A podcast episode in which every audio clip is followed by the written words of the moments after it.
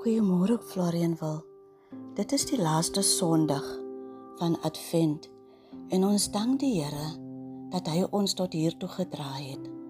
Kom ons bid saam. Almagtige Vader, ons bring aan U die lof en eer toe. Want U is waardig om geëer te word. U wat steeds bemoeienis met ons maak en u seun aan ons geskenk het. Ons prys u vir al u weldade aan ons. Nou Here vra ons stuur u lig en u waarheid dat die ons lei en bring na u toe na u heilige berg. Amen. Gemeente, genade, barmhartigheid en vrede word aan ons geskenk deur God die Vader, God die Seun en die kragtadige werkinge van die Heilige Gees. Amen. Ons skriflesing vandag kom uit Lukas 2 vanaf vers 8 tot 20 en ek lees voor uit die 2020 vertaling. Die opskrif is die goeie boodskap aan die skaapwagters. Daar was skaapwagters in dieselfde omgewing wat in die oop veld gebly en snags hulle skaaptroppe opgepas het. 'n Engel van die Here het aan hulle verskyn en die hemelse glans van die Here het rondom hulle geskyn. Hulle het geweldig groot geskrik. Toe sê die engel vir hulle: Moenie bang wees nie. Kyk, ek bring vir julle 'n goeie boodskap wat vir die hele volk 'n bron van groot vreugde sal wees. Vandag is daar vir julle in die stad van Dawid as verlosser gebore, Christus die Here.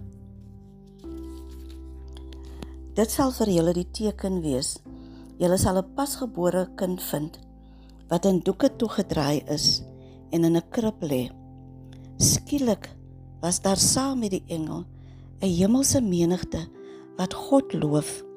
Eer aan God in die hoogste en vrede op aarde vir die mense in wie God 'n welbehae het. Nadat die engele van hulle af na die hemel weggegaan het, sê die skaapwagters toe vir mekaar: "Kom, ons gaan reguit na Bethlehem en gaan kyk na wat gebeur het en wat die Here aan ons bekend gemaak het."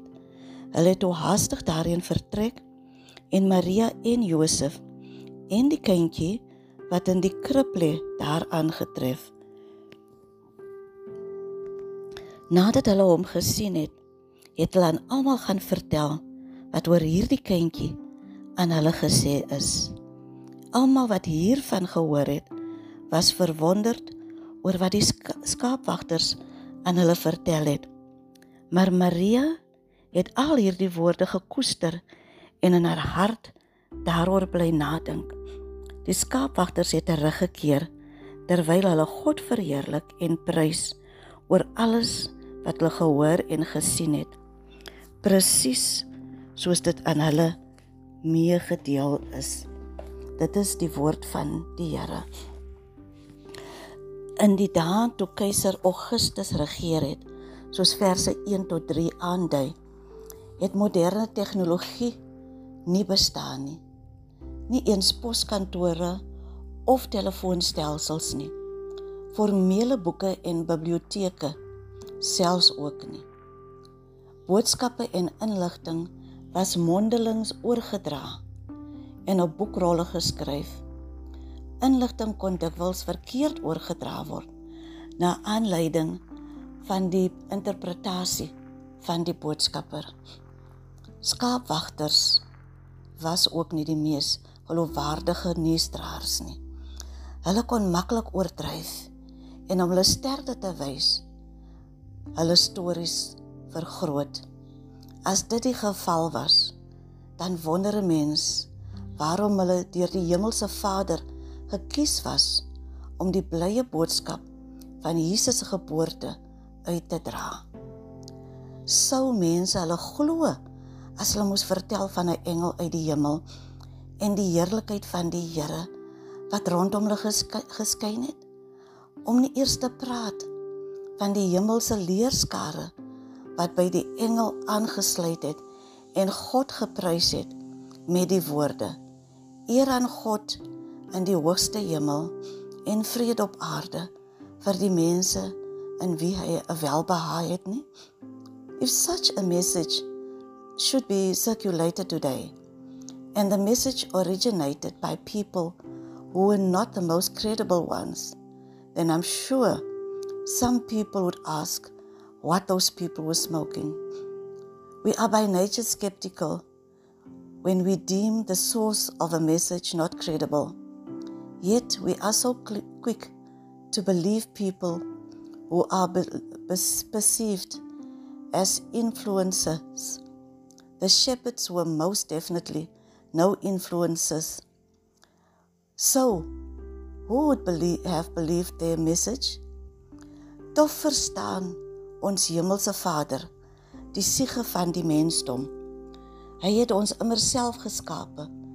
Hierdie blye boodskap wat eeue reeds deur die profete Jesaja en Micha geprofeteer was, kom op die regte tyd by die regte mense uit. Dis ongeveer 400 jaar dat die Jode moes wag vir die Messias wat hulle sou kom verlos van die Romeinse verdrukking. Dit was waar aan die Jode vasgehou het. Al het hulle nie verstaan dat die Messias sou kom om die ganse mensdom te kom red nie. Die skaapwagters het die tyd gehad om die boodskap te ontvang en uit te dra. Die plek was ook geskik om die boodskap aan te hoor. Die skaapwagters was in die veld. Dit was aand. Hulle skape was 10 teen 1 alreeds versorg vir die nag. En daar was geen verkeer, mense stemme of wat ook al wat hulle aandag kon aflei nie. Die boodskap moes duidelik gehoor word. Want dit was die belangrikste boodskap wat die Jode in 400 jaar moes hoor. In our days, we have become saturated with technology. Snail mail has more or less become obsolete. It is easy to send emails, WhatsApp messages, and the like. We get bombarded with information to the extent that a number of us have become addicts to social media. Even at night, when we are supposed to switch off and let our brains rest, we sometimes fall off to sleep with our phones in our hands. How many times do people not fall off to sleep in front of the television? What messages are we being fed on a daily basis, we can ask? Are those messages to edify us, or to stress us out. In our day, ons almal het 'n doel hier op aarde. En as God se kinders is ons ook gestuurdes. Ons word daagliks gestuur om die blye boodskap van God met ons, die blye boodskap dat Jesus gebore is om ons sondes te verlos uit te dra.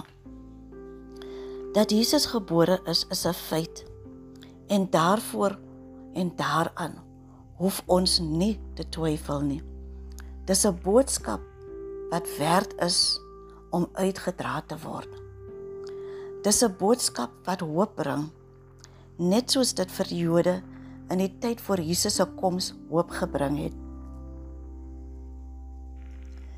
Dis 'n boodskap wat soos ons gedurende Advent die kerse van hoop, vrede, vreugde en liefde ook dit bring. In hierdie tyd waar daar so 'n oorvloed van inligting is en ons bombardeer word daarmee, kom die blye boodskap weer eens op 'n stille wyse na ons toe dat Jesus gebore is sodat daar vir ons die ewige lewe in en deur Jesus Christus is. Maybe we are not influencers. But if the world could believe the message of good tidings by the lowly shepherds, then the same message is worth carrying out. It is always a message that can change a person's world. It is a message of joy that resonates within us, a message that will make us look at our world with different eyes, a message that says there is hope for a substance abuser, that there is hope for a family that is busy disintegrating, that as a parent, you can still love your rebellious child, a message that brings peace in a world of chaos and turmoil, a message that sees God's light at the end of a dark tunnel, a message that makes me cling to my faith amidst the storms of life that want to toss and turn my life's boat. Ek sluit af. Dit is die boodskap wat ons in hierdie tyd moet uitdra. 'n Blye boodskap dat Jesus vir ons gebore is sodat ons met hoop, vrede en vreugde en liefde kan uitsien na die ewige lewe met Jesus Christus. Amen. Kom ons dank die Here. Here ons dank U vir die blye boodskap dat Jesus Christus in die wêreld gekom het sodat daar vir ons verlossing bewerkstellig kon word. Gee dat ons veral in hierdie tyd van Kersfees sal onthou dat ons gestuurdes is om hierdie boodskap uit te dra in 'n wêreld vol negatiewe nuus. Maak ons stil dat ons hierdie boodskap kan bepeins en daarvolgens sal kan lewe. Ons bid dit in Jesus se naam. Ons verlosser en saligmaker. Amen. Kom ons ontvang die seën soos ons dit vind in Lukas 1 vers 35. Die Heilige Gees sal oor u kom en die krag van die Allerhoogste sal u oorskadu. Mag dit met ons almal wees volgens die woord en genade van die Here. Amen.